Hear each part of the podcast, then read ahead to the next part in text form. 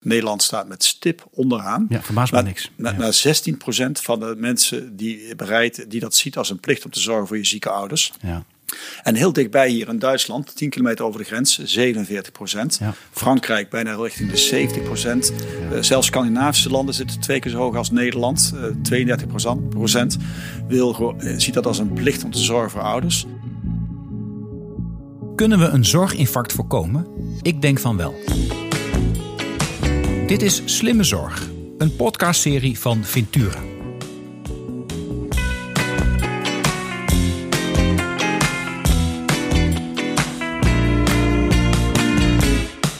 Mijn gasten van vandaag zijn Lineke Verkooyen en Jan Kremer.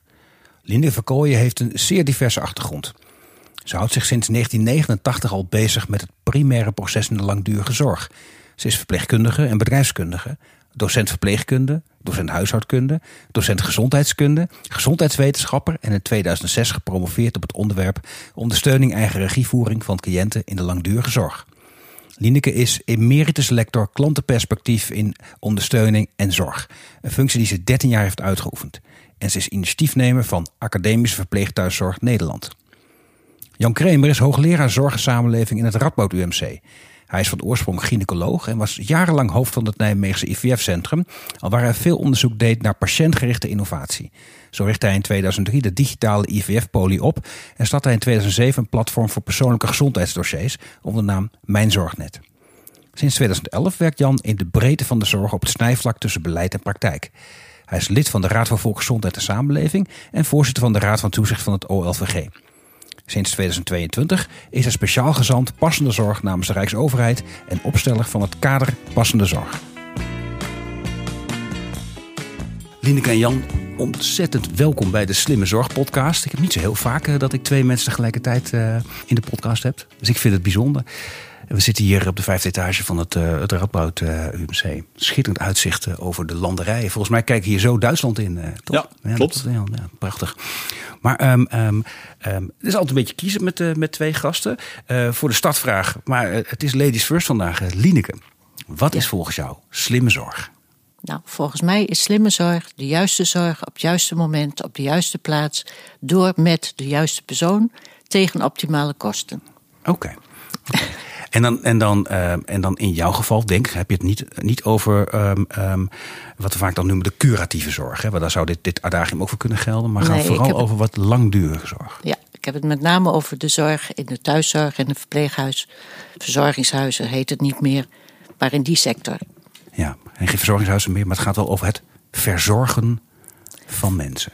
Het gaat over het verzorgen van mensen. Ja, het lastige van het woord zorg is dat het een heel erg groot containerbegrip is geworden. Ja, Als je kijkt waar zorg allemaal voor staat, dan als je in gesprek gaat met mensen, dan eh, loop je het risico dat iedereen eigenlijk een ander beeld bij dat woord zorg heeft. ja, Dus eigenlijk maak ik tegenwoordig een onderscheid tussen behandelkunde en verzorgkunde. En bij behandelkunde moet je denken aan al die zorg, ondersteuning, begeleiding, eh, die gericht is op het oplossen van iets, of op zijn minst hanteerbaar maken van iets. ja.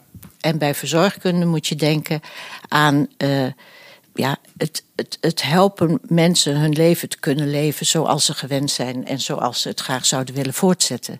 Heel kort samengevat, behandelkunde is: ik zorg ervoor dat jij of jouw been eh, weer beter wordt of op zijn minst bruikbaar. Ja. En verzorgkunde is: ik zorg voor jou zolang je been het niet doet.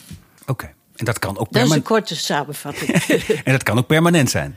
Dat kan ook permanent zijn, maar dat is Ja. nou bij dit, de sector waar ik het over heb, Mhm. is het meestal blijvend. 80, 85, 90 procent van de zorg die daar geleverd wordt, is blijvende zorg. Zeker in het verpleeghuis, thuiszorg iets- iets minder, Mhm. maar in het verpleeghuis is het zeker dat percentage. En over dat, dat type zorg heb ik het. Oké. Hey Jan, jij, bent, jij, jij, doet, jij doet veel eh, in de wereld van de zorg. Maar onder andere ben je ook eh, gezant passende zorg volgens mij. Ja, klopt. Gezant klinkt mooi. Krijg je geen, geen, geen mooi pak voor met streep en zo. Ja, Eh, precies. eh, En een mooie kamer. En nee, nee, nee, allemaal niet tussen. Nee, Ja. nee, nee, maar eh, bij dat passende zorg. hè, Het is een gevleugeld begrip momenteel in de, in de, in de zorg. Eigenlijk eh, een, een soort, ja, bijna een containerbegrip, maar dat, zo bedoel ik het eigenlijk niet om de zorg houdbaar te maken voor de huidige, maar ook voor de volgende generatie. Ja.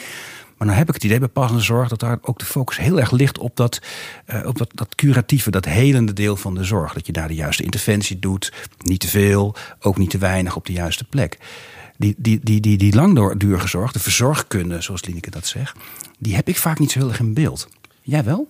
Ja, wij wel hoor, toenemend. Maar de, de verleiding is groot. Zeker omdat ik van oudsher ben ik medisch specialist. Dus de verleiding is groot om al heel snel weer in die curatieve wereld uh, terug te vallen. En dat is natuurlijk belangrijk, want daar valt ook heel veel werk te verzetten. Zeker, ja. Maar ook heel veel werk uh, moet er verzet worden in de, ja, in, in, de, in de care eigenlijk. Waarbij het gaat over van hoe zorgen we eigenlijk voor mensen die het moeilijk hebben. Waarbij inderdaad het genezen en het repareren misschien uh, minder centraal staat. Of misschien vaak ook niet centraal staat. Waar het echt gaat van hoe kunnen we nou zo betekenen betekenisvol mogelijk bijdragen uh, aan het leven van mensen, uh, aan het goede leven van mensen. En, en dat is voor iedereen verschillend. Mm -hmm. Dat is ook vaak een afweging. En, uh, ja, en wat dat betreft is, is voor mij slimme zorg ook, ook passende zorg. Dat zal je niet verbazen, maar nee, ook dat is maar een woord. Mm -hmm. en het, maar ik denk dat het belangrijkste is dat we met passende zorg aan de slag moeten, omdat we op een mensgerichte manier de zorg houdbaar en duurzaam moeten maken. Mm -hmm. uh, en en, en dat, dat is nodig.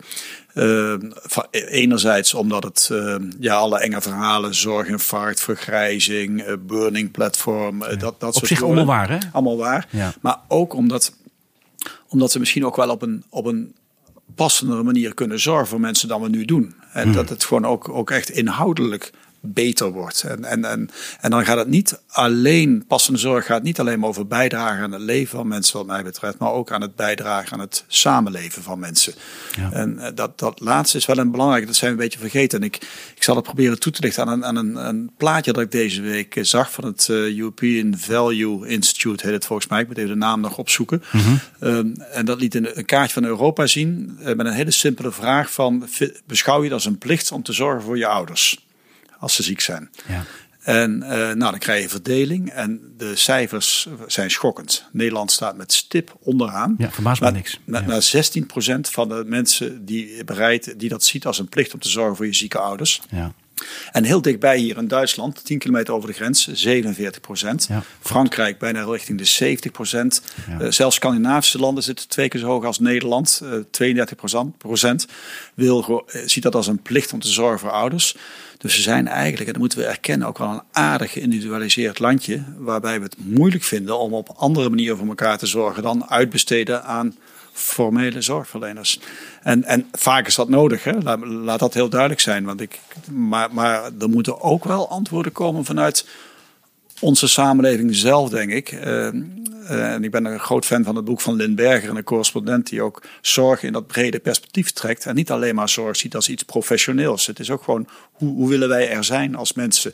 Voor, voor mensen die, die het lastig hebben, die, die gezondheidsvragen hebben, die, die in de laatste fase van hun leven zitten. Uh, en dat, dat is, die, daarmee is passende zorg ook ook misschien wel een maatschappelijke opgave. En dan gaat het ook over in wat voor samenleving wij willen wonen. natuurlijk is dat niet aan de zorg om daar iets van te vinden. Daar hebben we politiek voor, daar hebben we een heleboel burgers voor. Ja, de zorg ook niet staat midden in de samenleving. Maar we moeten ons toen wel verhouden. Ja. ja. Wel ik, zie dat wel. Ja, dat jij dat, ik zie jou knikken inderdaad. Ja, ik knikte en ik schudde.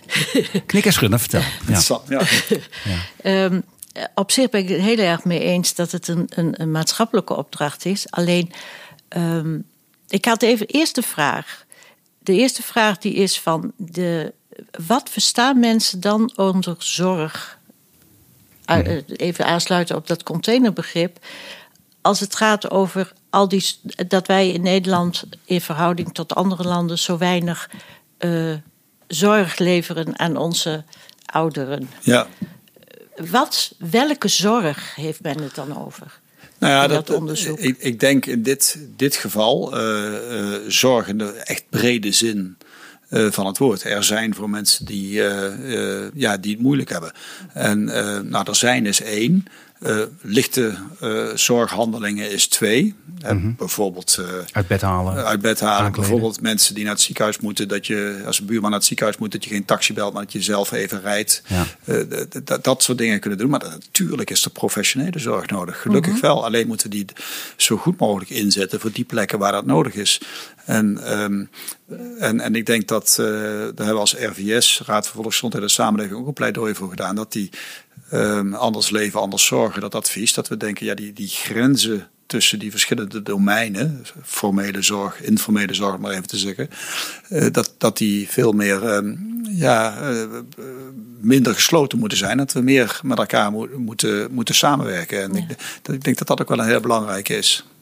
Op zich ben ik het daarmee eens, maar juist in dat samenwerken op dat terrein is denk ik veel meer duidelijkheid nodig over wat dan de professionele zorg is. Ja. Mhm. Want het is zo in elkaar verweven. Je noemde net voorbeeld lichte zorg, iemand uit bed helpen. Mhm. Nou, je kunt ja, ongelooflijk veel schade toerichten als je dat op de verkeerde manier doet. Daardoor kan iemand vallen, daardoor kan iemand een, een, een breuk oplopen en de rest van zijn leven daar last van hebben. Mhm. Dus die lichte zorg, wat ik ook heel vaak lees onder het kopje lichte zorg, is bijvoorbeeld mensen even helpen met eten geven. Nou, als jij iemand eten geeft die halfzijdig verlamd is, is de kans op een slikprobleem heel groot, met alle gevolgen van dien. Dus die lichte zorg, daar, het, het lastige is van, van die verzorgkunde, hè, dat mhm. vak waar ik het over heb. En dat vak moet echt weer op de agenda, willen we het goed gaan doen. En een goed onderscheid maken in hoe we als samenleving dat meer met elkaar kunnen doen. De verzorgkunde gaat het om het blijvend of tijdelijk overnemen van die activiteiten of faciliteren van die activiteiten die mensen normaal gesproken zelf doen en indien mogelijk de ander weer helpen het zelf op te pakken. Mhm. Waar hebben we het over? We hebben het dus over algemene dagelijkse levensverrichtingen. ADL is de afkorting, eventjes voor. Ja. En dat zijn dus de dingen die wij zelf doen. Wij stappen zelf uit bed, wij eten zelf. Dus je hebt het idee wij weten hoe dat moet. Mhm. Nee, het enige wat je weet is hoe jij dat doet bij jezelf. En je weet dus helemaal niet hoe je dat bij een ander moet doen. En hier gaat echt iets fout. Op dit moment en al jaren in de verpleeghuiswereld zijn de opleidingsniveaus alsmaar lager en lager en lager geworden. Iedereen kan tegenwoordig dit werk doen. Wij, wij gaan niet alleen op een enorm uh, financieel probleem afstevenen. Dat, dat, dat, hebben we al. Of een probleem van bemensing mhm. van de zorg. Hangt een beetje aan elkaar samen. Het is net welke kant je kiest. Maar we gaan ook op een enorm kwalitatief probleem afstevenen.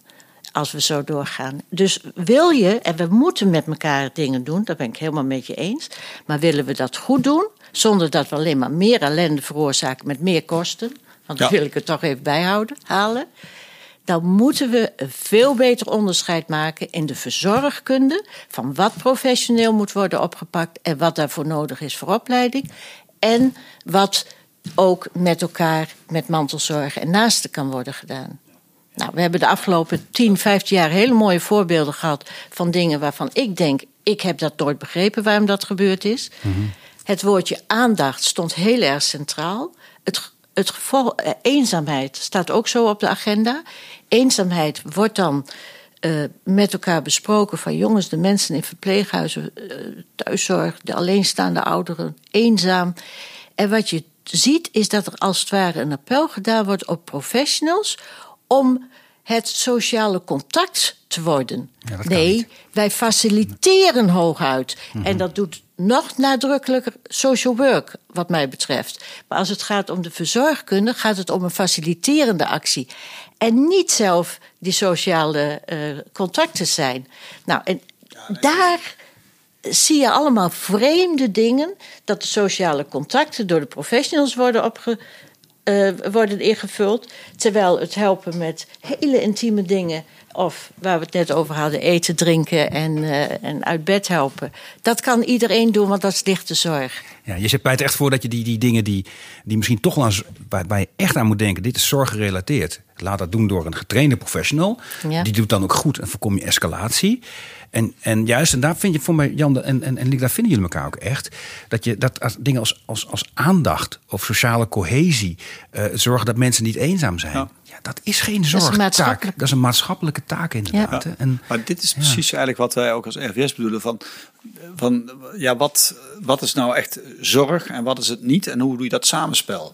En dat is eh, crux. En wat mij heel erg bevalt, wat je zegt, Lieneke, is dat de kracht van, het, uh, van die vakbekwaamheid, hè, die daar cruciaal bij is. En, en uh, dat zie ik bij passende zorg ook heel erg. Ik zie dat er uh, soms het verlangen bestaat bij mensen die betalen of bij uh, beleidsmakers of managers om het, om het een beetje van afstand te gaan bepalen wat dat dan is, wat de antwoorden zijn. En ik probeer ook uit vanuit die beweging uh, die we proberen op te zetten rondom passende zorg ook heel erg te kijken naar de, de kracht van mensen die in de context aan de slag zijn. Iedereen in de zorg werkt, die, die, die heeft over het algemeen uh, heel goed maatschappelijk gevoel, zit, zit, is verbonden met de samenleving en tegelijkertijd een hart voor patiënten en cliënten. Mm -hmm. en, uh, ja, en wat goed is voor mensen en voor de samenleving hangt ook af van de context waarin mensen wonen en leven en, en, en, en verkeren. En dan is het ook heel belangrijk dat die vakbekwaamheid ook echt de ruimte krijgt. En um, we hebben daar al heel veel te vaak gesproken over medisch leiderschap. Gelukkig komt verpleegkundig leiderschap nu heel sterk naar voren. En uh, ik heb laatst bij uh, een organisatie in het oosten van het land, ik ben even de naam kwijt. Uh, een heel mooi boekje gekregen hoe ze proberen het verzorgend leiderschap te versterken. En ik vind dat ook een hele belangrijke. Dat je ook echt kijkt dat, dat, dat, dat, dat je dat sterk maakt. Omdat mensen enerzijds in de context zitten die relevant is. Mensen kennen, weten hoe het dorp of de wijk eruit ziet. en dus ook dat, dat samenspel ook beter kunnen, kunnen afstemmen. Ja. Daarom ben ik dus een groot voorstander van verzorgkundig leiderschap. Ja. Mm -hmm. Verpleegkundig leiderschap is ook belangrijk. Ja. Alleen er is een groot probleem in de verpleegkundige ja. setting. Onder invloed van professionaliseringsontwikkeling in de tachtiger jaren. Ik ben oud, dus ik heb alles mee mogen maken.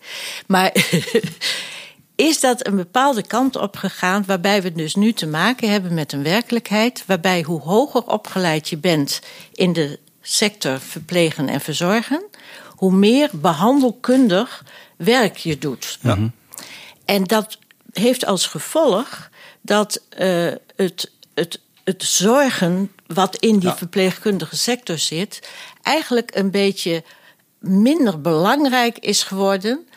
Terwijl dat van oorsprong de kern van het vak was. Hoe hoger je opgeleid bent in de verpleegkunde, hoe meer medisch handelen je doet, hoe meer medisch technisch handelen je doet, hoe beter je betaald wordt. Dat -hmm. betekent ook dat voor de mensen in verpleeghuizen het echte werk wordt gezien, als echt werk wordt gezien, med medicijnen geven, injecteren, katheter inbrengen. Ja. Dat is het echte werk. Terwijl dat eigenlijk maar we hebben onderzoek gedaan. 82 tot 88 procent van het werk wat gedaan wordt door verzorgenden en helpende verpleegkundigen in de verpleeghuissector is ADL-ondersteuning blijvend van de aard. Mm -hmm. Het verpleegkundige werk van wat het echte werk, volgens sommige medewerkers, is maar een paar procent. Ja. En als we daar niet op een andere manier naar kijken, en dat past ook bij de hele discussie over betere beloning voor deze doelgroep, voor mm -hmm. deze werkers dan, dan gaan we nog steeds niet de goede kant op.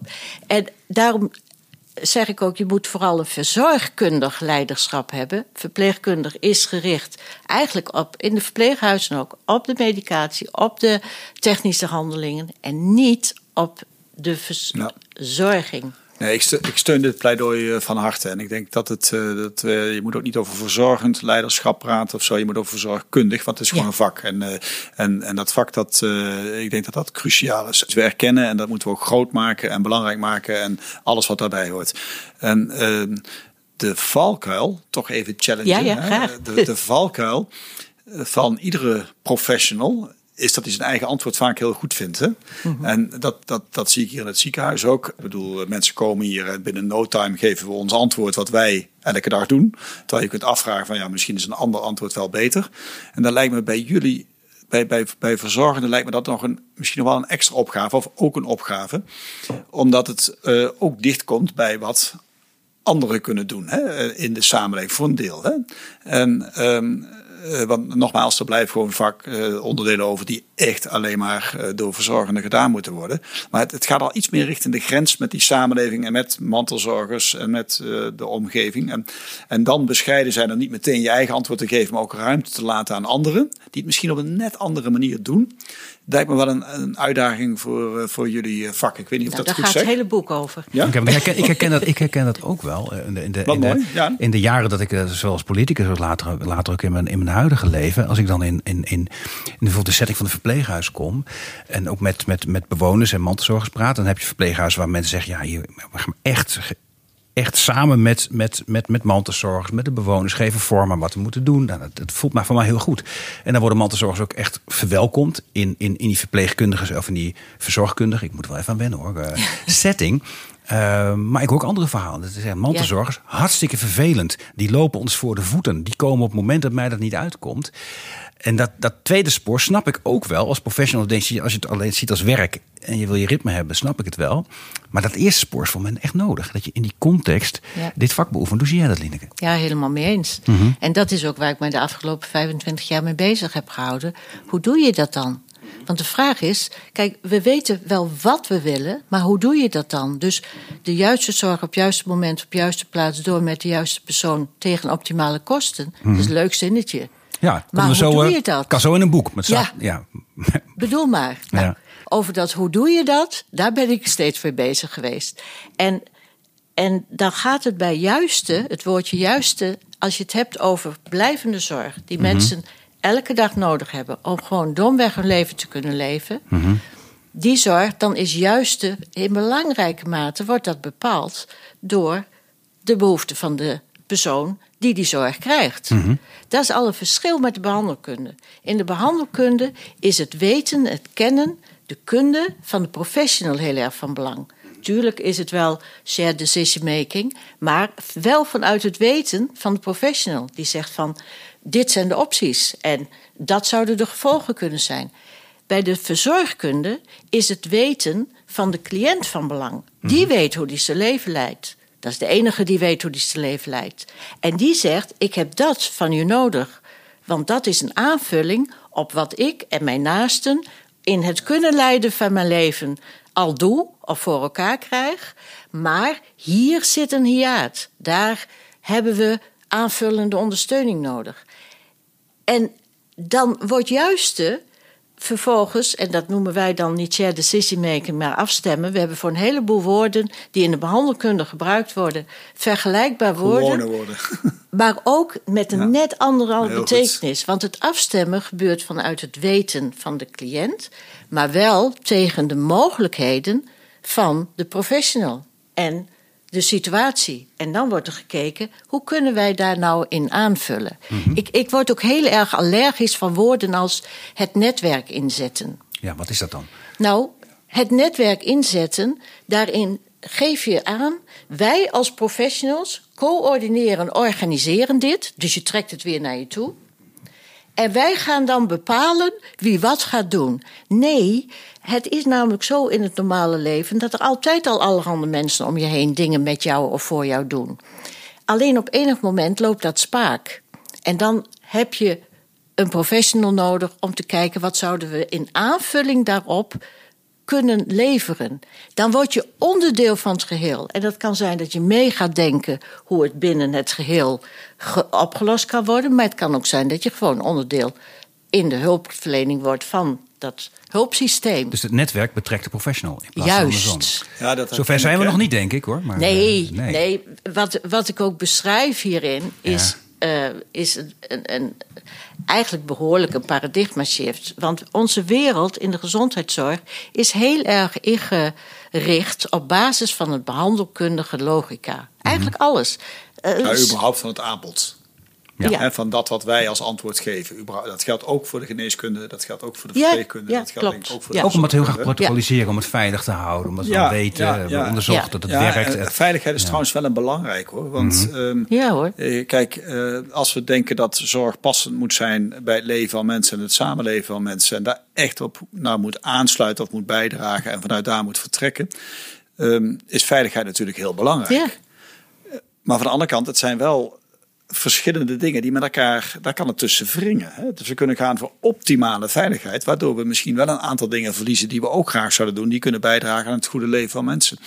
En dan is het, uh, is het best lastig hoe je dat doet. Hè. Dus soms denk ik ook wel dat we uh, een beetje aan het overdrijven zijn met, met, veiligheid. met Dat we dat wikken en wegen van hoe wegen we dat nou af, die twee dingen die eigenlijk allebei goed zijn, om daar een goede weg in te zoeken. Ja. En nogmaals, ik denk dat dat ook heel erg in de context van de praktijk moet gebeuren om dat te doen. Omdat mensen daar met een neus gewoon ja, in de situatie zitten, de wijk, de, de patiënt goed kennen, de ja. cliënt goed kennen en daar iets mee kunnen. En ik herken ook heel sterk dat, dat wat jij net zei, dat uh, het netwerk betrekken, maar dat het eigenlijk andersom zou moeten zijn. En ik merkte dat ook afgelopen uh, maand, toen wij, we hebben een passende zorgdialoog georganiseerd, waarbij okay. de brug tussen de formele en de informele zorg uh, centraal stond. Mm -hmm. Dat was in Austerlitz.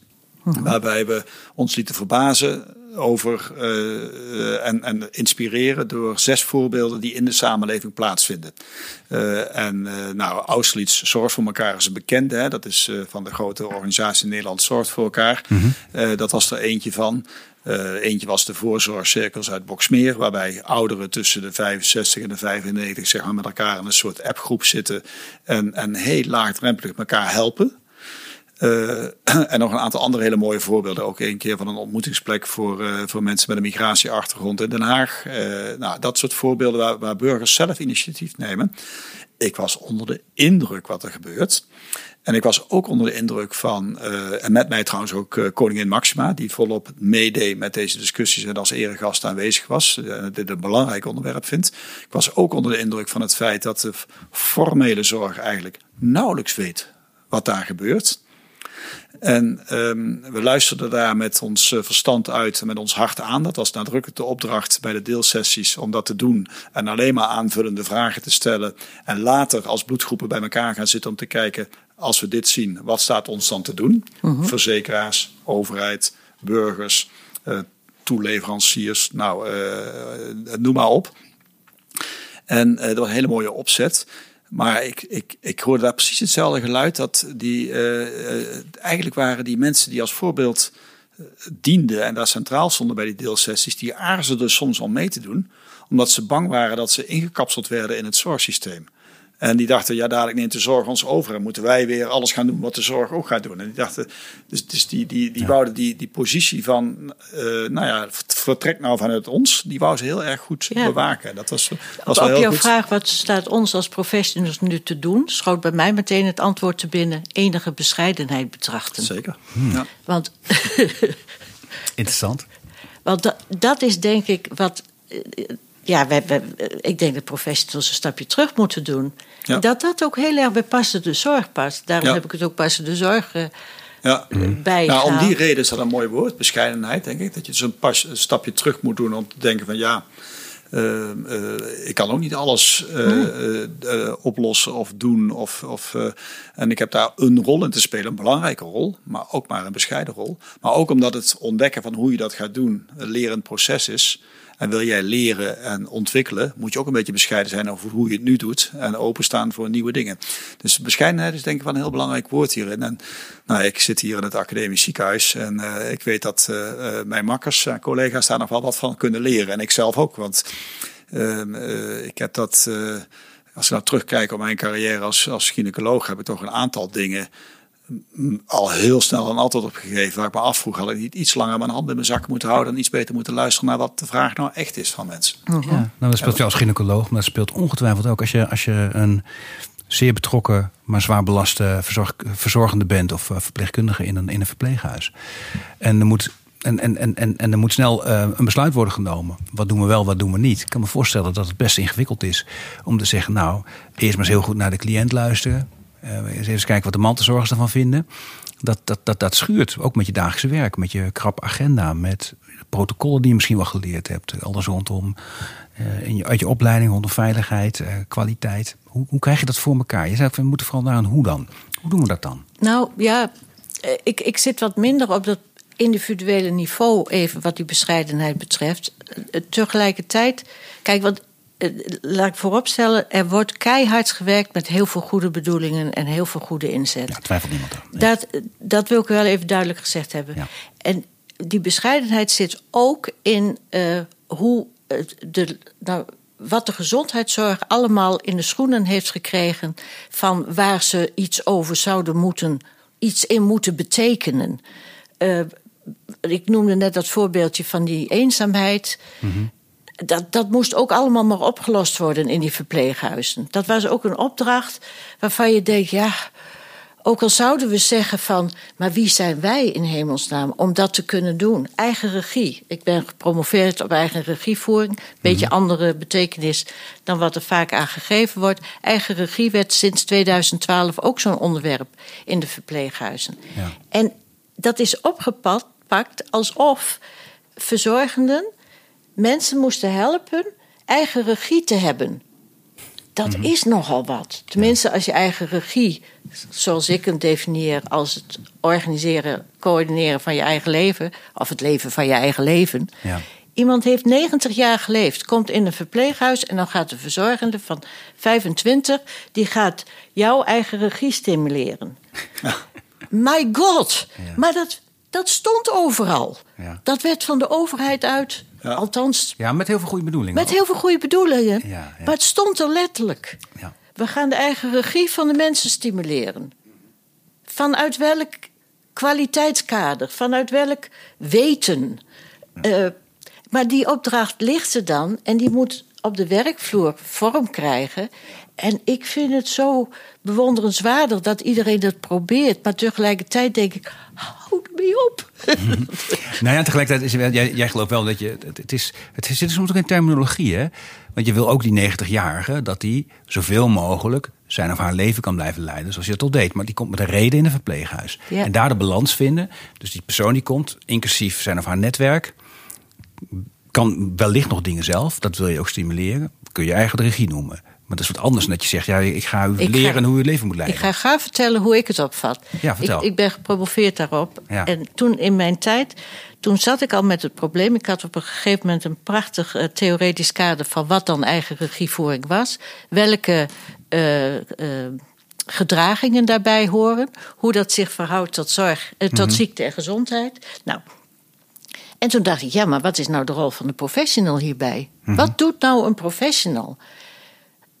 Uh, en toen stond al in allerhande stukken het overgeven van de, of het over, teruggeven van de eigen regievoering.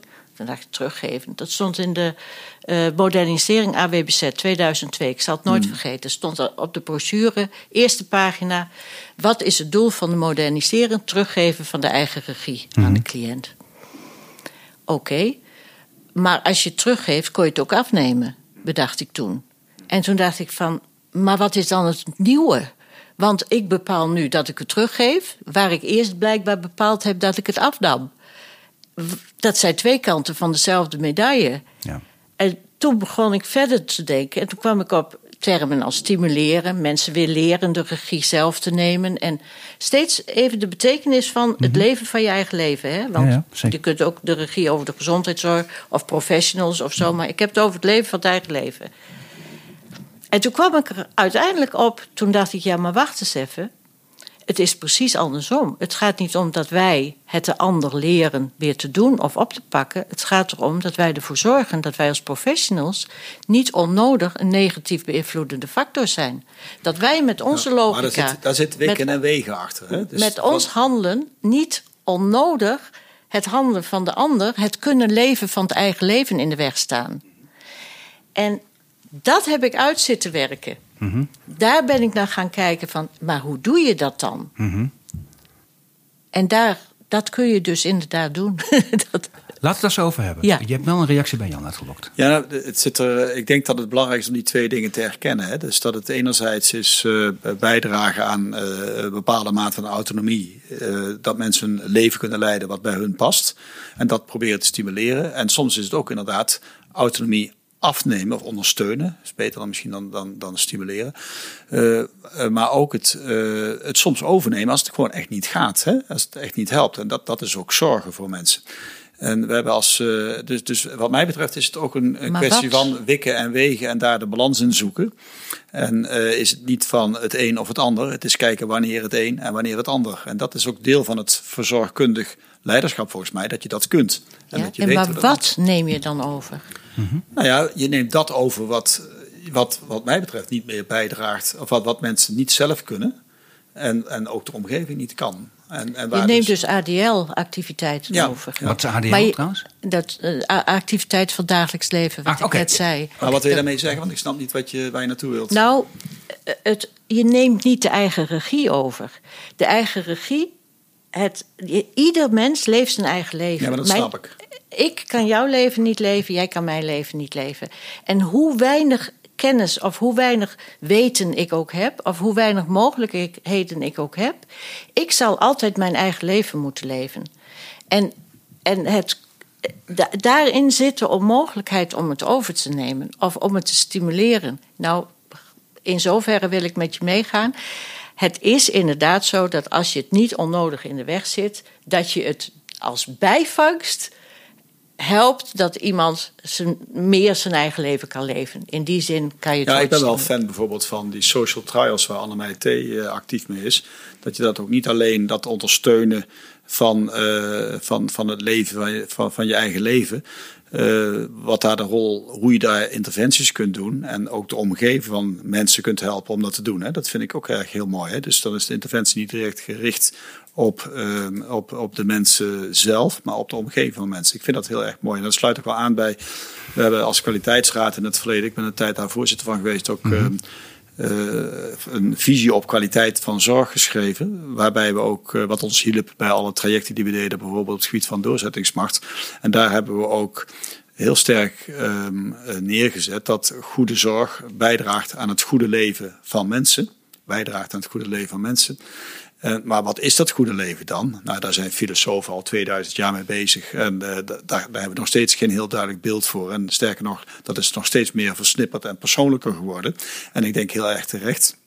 En we hebben alleen maar uh, wel in dat stuk ook gezet, en dat sluit al aan volgens mij wat jij zegt, dat dat, dat, dat in ieder geval in dat je dat ergens moet zoeken in, en, en kunt vinden in, in drie hoeken. En dat is van iets in uh, verbinding met andere mensen. Dus dat je, dat je ja, we zijn sociale dieren. Ja. Dus uh, iets in, in een bepaalde mate van autonomie. Als het, als het kan, kun je de dingen die je zelf kunt, moet je ook zelf kunnen doen.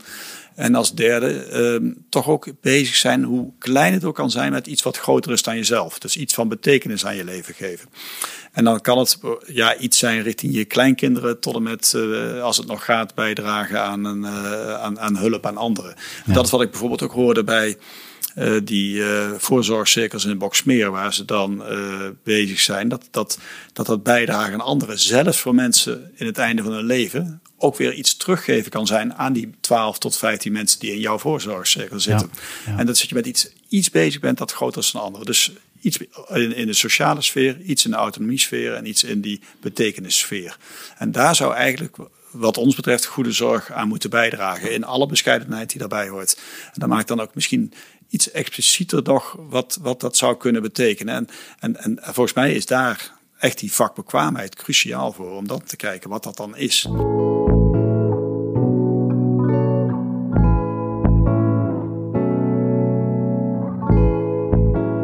Jan, ik hoor jou zeggen, hè? dus ook vanuit die kwaliteitsraad hebben je zitten, zitten zoeken van uh, hoe krijg je er nou invulling aan? En, dan heb je het over de term goed leven. Mm -hmm. Noemde net een aantal elementen die er onderdeel van kunnen zijn. Maar eigenlijk alleen maar omdat ja, het is, zo het is subjectief een goed leven. Hè? Het gaat om die individuele cliënt. Lineke, dat hoor ik jou ook zeggen. Dat, dat, dat, datgene wat je, wat je wil bereiken, dat gaat uiteindelijk om dat goede leven van die, van die cliënt. Maar, of toch niet helemaal? Nee, nee, nee. Waar gaat het wel om dan uiteindelijk? Nee, want uh, dat is niet iets wat ik kan bereiken als, als verzorgkundige. Ik kan eraan bijdragen mm om ervoor te zorgen dat het niet onnodig in de weg wordt gezeten. Ja, okay. Maar een goed leven kan ik niet realiseren voor een ander. Nee, oké. Maar dus wel de contextuele omgeving waarin je dingen doet dan. Hè? Wel bijdragen? Je kan eraan bijdragen door ja. voor te zorgen mm -hmm. dat je zo dicht mogelijk aansluit op datgene wat de ander van jou nodig heeft. Ja. Dus dat betekent dat je heel erg goed in contact moet blijven met die cliënt mm over uh, ja, wat nodig is. En dat, mm dat wat nodig is gaat over het hoe, wat, wanneer, waar, door, met wie. Van de ondersteuning die diegene nodig heeft om zijn leven te kunnen leven. Ja. Dus heel erg van belang is dat je weet en, en daar ook afspraken over hebt. Hoe, wat, wanneer, waar, door, met wie. Binnen uiteraard grenzen. Ja. Het is niet u vraagt, wij draaien. Het is wel, wat is de wens, wat is de behoefte van de cliënt? Ja. Hoe ik handel in deze situatie, wanneer ik kom. Ik bedoel, ik Mhm. heb wel eens uitgerekend dat mensen in een verpleeghuis... waar door de medewerkers elke dag opnieuw met de beste bedoelingen geprobeerd wordt om het op het moment waarop de cliënt graag geholpen zou willen worden te helpen, uit te rekenen hoeveel wachttijd mensen het risico lopen om daar per dag te hebben. Dat kan oplopen tot acht uur per dag aan wachttijd. Ja. Als je ergens apathisch van wordt, dan is het van wachten of in een wachtkamer zitten. Ja. Ja. En, en daar gaat het om. Het gaat erom dat je weet wanneer iemand geholpen wil worden. Maar niet alleen dat je het weet, maar dat het ook in, als het afgesproken is, ook daar gekomen kan worden. Dat het ook op de manier gedaan wordt zoals de cliënt graag wil. Mijn moeder die krijgt thuiszorg en die vertelt me dan: Ik vind het zo fijn als, nou, ik, ik noem maar naam, Mieke komt. Dus ik zei op een gegeven moment: Maar waarom vindt mama dat nou zo fijn? Waarom is het nou zo fijn dat Mieke komt? Toen zei ze: Nou, heel simpel. Zij houdt me even bij mijn arm vast als ik op de weegschaal moet staan, want ze moet elke keer wegen. Zodat ik veilig, me veilig voel. En ze houdt me weer even vast als ik eraf stap. En zo weet ik ook dat ze me opvangt mocht ik vallen, want ze staat naast me. Ze ziet me, ze ziet wat ik nodig heb. En dat is iets anders dan iemand helpen met douchen als een technische handeling. Ja, maar en hoe- dat hoe- is nou juist het verschil. Nee, maar interessant. Ik denk, dat, is, dat is precies waar het om gaat, inderdaad. Hè? Dus, dat, dus dat, dat je, dat je en, en gaan we het over terminologie hebben, maar dat je, dat, je, dat je eigenlijk heel dicht tegen dat leven mensen weet aan te kruipen. Dat je het doorvoelt, doorleeft. En dat je alleen daar een aanvulling levert waar het echt nodig is. Ehm, maar dat lijkt me heel ingewikkeld Dat is om dat ook. goed te doen. Want hoe, hoe krijg je dat nou voor elkaar? Dat, je, dat, is je, het ook waarom het vak zo moeilijk is. En waarom het vak echt een, een, een boost moet hebben als het gaat om opleidingen. Mhm. Dat we eindelijk dit eens een keer moeten gaan waarderen. Waar het terechtgekomen is, is nou, ik- Hannah eh, Arendt heeft dan zo'n mooi onderscheid tussen arbeid, werken en handelen. Mhm. Nou, heel simpel eh, samengevat, en ik hoop niet dat ze het me kwalijk zou nemen hoe ik het heb samengevat, maar bij arbeiden gaat het om dingen doen. Mhm. Dat zijn de taken. Mhm. Iemand douchen. Ja. Bij werken gaat het om het slim doen, dus handig doen. Kunnen we daar ook een hulpmiddel bij gebruiken? Eh, nadenken, dat is dus doen en denken. En bij handelen gaat het om doen en denken in voortdurend contact met de cliënt. En dat handelen is gewoon best ingewikkeld, maar dat is de kern van dit verzorgkundige vak. Ja, ja, ja, en daar hoort ook bij dus niet te doen. Wel Juist. altijd handelen, niet doen. Als het Doen, denken is. en, en in Ja. voortdurend contact met de cliënt is ook laten van Ja. dingen. Ja. In voortdurend contact met de cliënt. Maar het laten van, laten van dingen en dat dan toch ten gunste laat komen van het leven van iemand, is dat ook niet de grote uitdaging rondom passende zorg? Omdat dat. Ja. Niet, niet altijd, hè? soms moet je gewoon echt doen. Nou, ik denk dat dat een van de grote eh, vragen is ook voor professionals. Omdat je Ja. je eigen antwoord, wat je zelf vanuit je eigen perspectief gewend bent te geven. Of, en daar ook wel goed in bent. Dat je dat heel graag doet. Dus ik denk dat dat de kunst is. Hè. Ik, ik ben zelf eh, heel ander vakgebied opgeleid dus binnen de gynaecologie. En, en mijn eh, opleider zei ook altijd het beste gereedschap van de gynaecoloog zijn zijn broekzakken. Hou je handen maar eens in de zak en doe maar eens even niks. En, en kijk maar eens even wat, er- wat er gebeurt en wat er echt nodig is. Dus vind je eigen antwoord niet altijd meteen wat je uit je impuls geeft het beste antwoord. Dus daar sluit ik echt helemaal bij aan. Dat is moeilijk hoor. Lijkt me zo moeilijk. Ja, Ja. is Als je ook. medisch of verzorgkundig professional bent, je ziet de situatie, Ja. je ziet van alles, je ziet allerhande dingen die je zou kunnen doen. En soms ook nodig om dat wel te doen. Ja. En soms moet je juist op je handen blijven zitten. Ja, en daar vind ik die, dat is eigenlijk een kunde. En daarom vind ik het ook zo mooi dat het woord eh, verzorgende, dat dat verzorgkundig leiderschap gaat heten. Hè? Of, en Ja. wat je ook dan eh, in het boek als subtitel gekozen hebt of als hoofdtitel. Ja. Ik denk dat dat steengoed is. En, het, ehm, en, en een belangrijke daarbij is, en dat is iets, het gesprek misschien in iets andere richting kijken, dat we in dit decennium eh, gaat het, eh, komen erachter dat eh, goede zorg ten eerste moet bijdragen aan het goede leven van mensen. Wat we dan als kwaliteitsraad ook hebben gezet. Maar ook dat goede samenleven. En dat, um, ik heb dat ook wel eens gezegd, dat uh, kwaliteit van zorg, uh, zeg maar een jaar of 20, 30 geleden, werd eigenlijk voornamelijk vanuit, door professionals bepaald. Dat was het professionele perspectief, dat was het fundament voor wat goede zorg was. En afgelopen decennium, jaren tien, hebben we ook geprobeerd om stappen te zetten dat het niet alleen maar professionele waarden zijn, maar dat het ook gaat over persoonlijke waarden van mensen. Dat je daarvan uit moet gaan. Dus dat je, ja, en dan wordt het al iets ingewikkelder. En dan is er meer, subjectiever, hè? Ja. ja, meer subjectiever, maar er is ook meer kunde nodig, want het wordt meer wikken en wegen. Het is meer een balans zoeken tussen dat wat jij denkt dat goed is en dat wat vanuit, ja, van, vanuit uh, degene om wie het gaat uh, goed is. Ja, ik zie dit decennium nog een derde stap erbij komen, die het misschien nog wel ingewikkelder maakt. Dat het ook gaat over de grote vraag van in wat voor samenleving willen we eigenlijk wonen met elkaar. Ja. Want uh, ja, ik sprak net over die 16 procent uh, uh, Nederlanders die maar bereid is, of die dat zijn plicht ziet op de zorg voor zijn zieke ouderen, waarbij wij helemaal onderaan bungelen in Europa. Ja, um, ja dat, dat, dat gaat over onze samenleving. En daar komen er ook maatschappelijke waarden als fundament bij van hè, solidariteit. Natuurlijk was betaalbaarheid al langer aanwezig, maar het gaat nu ook over gezondheidsverschillen, hardnekkige gezondheidsverschillen in onze samenleving. Hoe zorgen we voor, uh, voor mensen met een migratieachtergrond? Hoe zorgen we voor mensen, maken we verschillende manieren hoe we zorgen voor mensen van, met een hoge sociaal-economische status versus een lage sociaal-economische status? Uh, hoeveel verschil willen we eigenlijk? Ja. Dat is een belangrijke.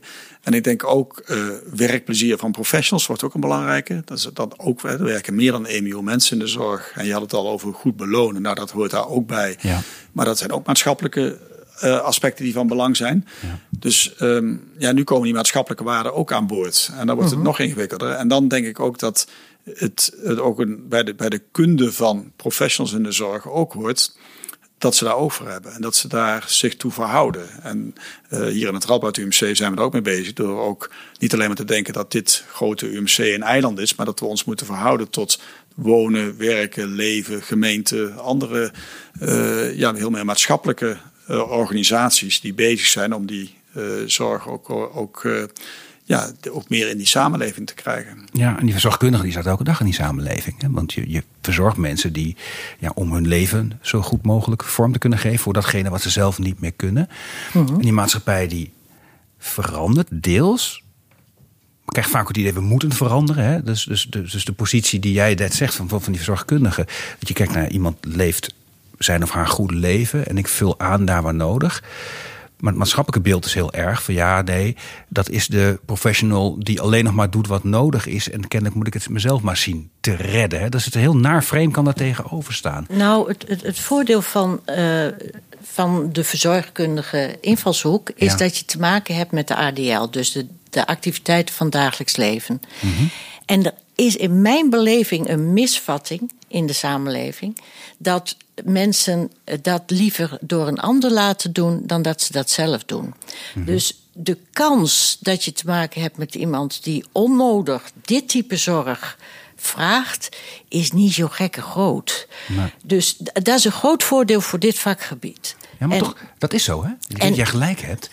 Maar de overtuiging is vaak anders met ja, mensen. Hè? Dus dat, uh, ja. ja. Maar goed, gaat nou, dat is misschien een kleine kanttekening nog bij te maken. Hè? Dus ik, ik ben het helemaal met je eens. Hè? Dus dat, dat, dat, dat, eh, dat mensen, dat als dat niet nodig is, vragen ze niet om. Hè? Dat, dat liever niet. Nee. Um, hoe zit dat met uh, kinderen en mantelzorgers? Uh, want ik heb soms ook, maar misschien is dat al meteen de vraag beantwoorden. Het idee dat uh, dat, er wordt natuurlijk keihard gewerkt door mantelzorg. Maar ik zie in mijn omgeving ook wel dat mensen het best lastig vinden als ouderen, hun ouders kwetsbaar worden. Omdat ze dan ineens 200 kilometer moeten rijden. En ineens op, op momenten dat ze moeten werken, dat ze ineens moeten gaan zorgen. Dat ze op onverwachte momenten telefoontjes krijgen. En dat ze het eigenlijk liever een beetje oneerbiedig gezegd, wegstoppen en wegduwen naar het professioneel domein. En best grote druk uitoefenen om professionele antwoorden op wat voor zorg mensen nodig hebben. En dat de druk misschien niet komt van de mensen zelf, maar vanuit de omgeving de mensen wel komt. Herken je dat of is dat iets wat. Nee, ik denk dat dat klopt, dat de druk vanuit de omgeving komt, omdat de omgeving het niet meer aan kan. Maar misschien moeten we ook. Misschien moeten we daar ook naar kijken. Waarom kan die omgeving dat niet aan? Mhm. Ja. Want als jij 200 kilometer verderop woont. en wij hebben het land. Eh, wat, wat ik begrepen heb uit cijfers blijkt. dat we ook het allerhardst werkt van de hele wereld dan ben je misschien ook wel een beetje op. En in dat harde werken hebben we ook een enorme belasting. En die belasting heeft ons beloofd dat daar vervolgens zorg voor geleverd wordt. En dan zit daar wel een rare kronkel. Dat ben ik het met je eens. Nee, dat is interessant. We wezen net op. We kijken hier eigenlijk uit naar Duitsland. En Duitsland is bijvoorbeeld die langdurige zorg niet collectief verzekerd of nauwelijks. Hè. Dus mm dat is ook een reden waarom men in Duitsland zegt: ik, ik zorg voor mijn ouders, hè, bijna 50 procent. Uh, dat is deels omdat dat cultureel diep geworteld is. Maar dat heeft ook wel deels te maken met het feit dat men anders dan in Nederland daar niet voor gekozen heeft om dat in een collectief engagement te stoppen. En daar zit ook rondom solidariteit, en vind ik altijd een ingewikkeld vraagstuk. Ik wil daar niet ideologisch een antwoord op geven, maar in Nederland vinden we het heel solidair. Als we zeggen we willen verschillen voorkomen. Dus we heven het over naar een collectieve instantie, naar de overheid of wie dan ook. Zodat iedereen toegang heeft. Daar zit wat in. Ja. En, en, en tegelijkertijd deorganiseer je daarmee de solidaire verbanden die in de maatschappij zijn. Hè? En dat laat zich ook niet zomaar ontrafelen. Maar dat leidt wel tot een wereld dat mensen zeggen: je moet heel hard werken om veel belasting te betalen om dat collectief arrangement in stand te kunnen houden. Ja, en we worstelen daarmee collectief. En door de demografie komt dat nu een beetje extra op spanning te staan. want het aantal mensen, nou ja, de, de vergrijzing. Dus het aantal mensen dat, uh, dat, dat werkt en, en, en, de, uh, en daarmee belasting kan opbrengen. En ook uh, ja, wordt in verhouding tot de mensen waarvoor gezorgd moet worden. Mm -hmm. Ja, die balans gaat helemaal anders. Die is helemaal anders aan het worden. En dat is niet meer houdbaar. Dus mm -hmm. dat, um, los ervan of je het, um, ja, wat, je, wat je voorkeur gaat professioneel antwoord op alles of ook gewoon een antwoord uit de samenleving. En mhm. Natuurlijk zit daar, zit er veel meer nuance in dan ik dan nu zeg. Ja, het is niet zwart-wit. Maar is, is denk ik wel eentje die we, dat gesprek moeten we wel gaan voeren met elkaar. Want uh, we dreigen in een samenleving te komen waar je een paar topsporters hebt die, die het volhouden om 40 uur per week te werken en, uh, en, en, en dus uh, in die red race mee kunnen doen. Mm -hmm. En dat de, diegenen die dat niet kunnen, en dan maak ik het een beetje breder dan, dan alleen maar ouderen ja, die krijgen een etiket opgeplakt en daar moet voor gezorgd worden. En, ja, en, en dat, is, ja, dat wordt steeds meer de vraag van is dat houdbaar? En tegelijkertijd is er nog een andere kant aan en dat is geen uh, want houdbaar heeft een beetje het nadeel dat het een soort uh, framing is van schaarste en ransonering en, ja. uh, en allerlei negatieve bezuinigingen. Maar je kunt ook het anders zeggen van is dit eigenlijk wel de manier zoals we voor elkaar willen zorgen in dit land? Ja. En dan kunnen er warmere antwoorden gaan komen. Ja. die, die, die misschien ook wel, en, en dat probeer ik ook sterk door, door, door van die beweging van passende zorg niet zozeer een, een zure ransonerende beweging te maken, maar juist eentje met energie waarbij eh, vakmensen voorop staan, waarbij jonge mensen betrokken worden, waar je betekenis kunt vol kunt bijdragen. Ja. En waar we ook die relatie met die samenleving gaan zoeken. Want nogmaals, ik was enorm onder de indruk wat er eigenlijk gebeurt in onze samenleving. Wat ik eigenlijk niet weet. We hebben altijd het idee dat alle sociale verbanden weg zijn. Nou, als ik zie dat er 1,2 miljoen mensen via Nederland zorgt voor elkaar, voor elkaar aan het zorgen is in een bepaalde vorm, dan kun je toch wel hoopvoller gestemd zijn. Ja, en ook mensen die niet dat via Nederland zorg voor elkaar zijn. Kijk wat voor enorm sociaal netwerk mijn moeder, uh, die chronisch ziek is, uh, uh, wordt opgevangen, functioneert. Gewoon mensen in haar eigen buurt. Er gebeurt nog steeds heel veel. Heel veel moois en het is ongelooflijk waardevol. Ik zie jou ook knikken, Lineke. Ja, ja. ja dit ben ik helemaal mee eens. Ja. En uh, er gebeurt inderdaad ook heel erg veel al. Mm Dus vandaar dat ik ook zeg, het, je moet ervoor waken. De, de zorg zelf, daar ben ik mee bezig geweest. Van hoe ga je nou om met deze opdracht van passende zorg. En ik zie het als een fantastische uitdaging mm -hmm. om het voor elkaar te krijgen. Zoals ik denk dat het heel erg mooi voor elkaar kan ja. komen. maar hoe zorg je er nou voor dat, wij, dat, dat, dat je daar waar die zorg nog nodig is, niet onnodig dingen gaat doen die niet hoeven, mm -hmm. die, die, die inefficiënt zijn. Want we kunnen echt met, met op een andere manier die zorg organiseren ook nog een heleboel voor elkaar krijgen. Want mhm. het punt is wel dat de laatste paar jaar van je leven het merendeel van de mensen die ADL-ondersteuning nodig heeft. Ja. Hoe oud we ook worden, al worden we 200 jaar, voordat je doodgaat moet je toch eerst niet gezond worden. Of in ieder geval iets hebben. Ja, de meeste mensen gaan niet zomaar. Dus als je van ouderdom doodgaat, dan is dat die laatste paar jaren een achteruitgaan van functioneren. Mm Daar doe je niks aan. Nee.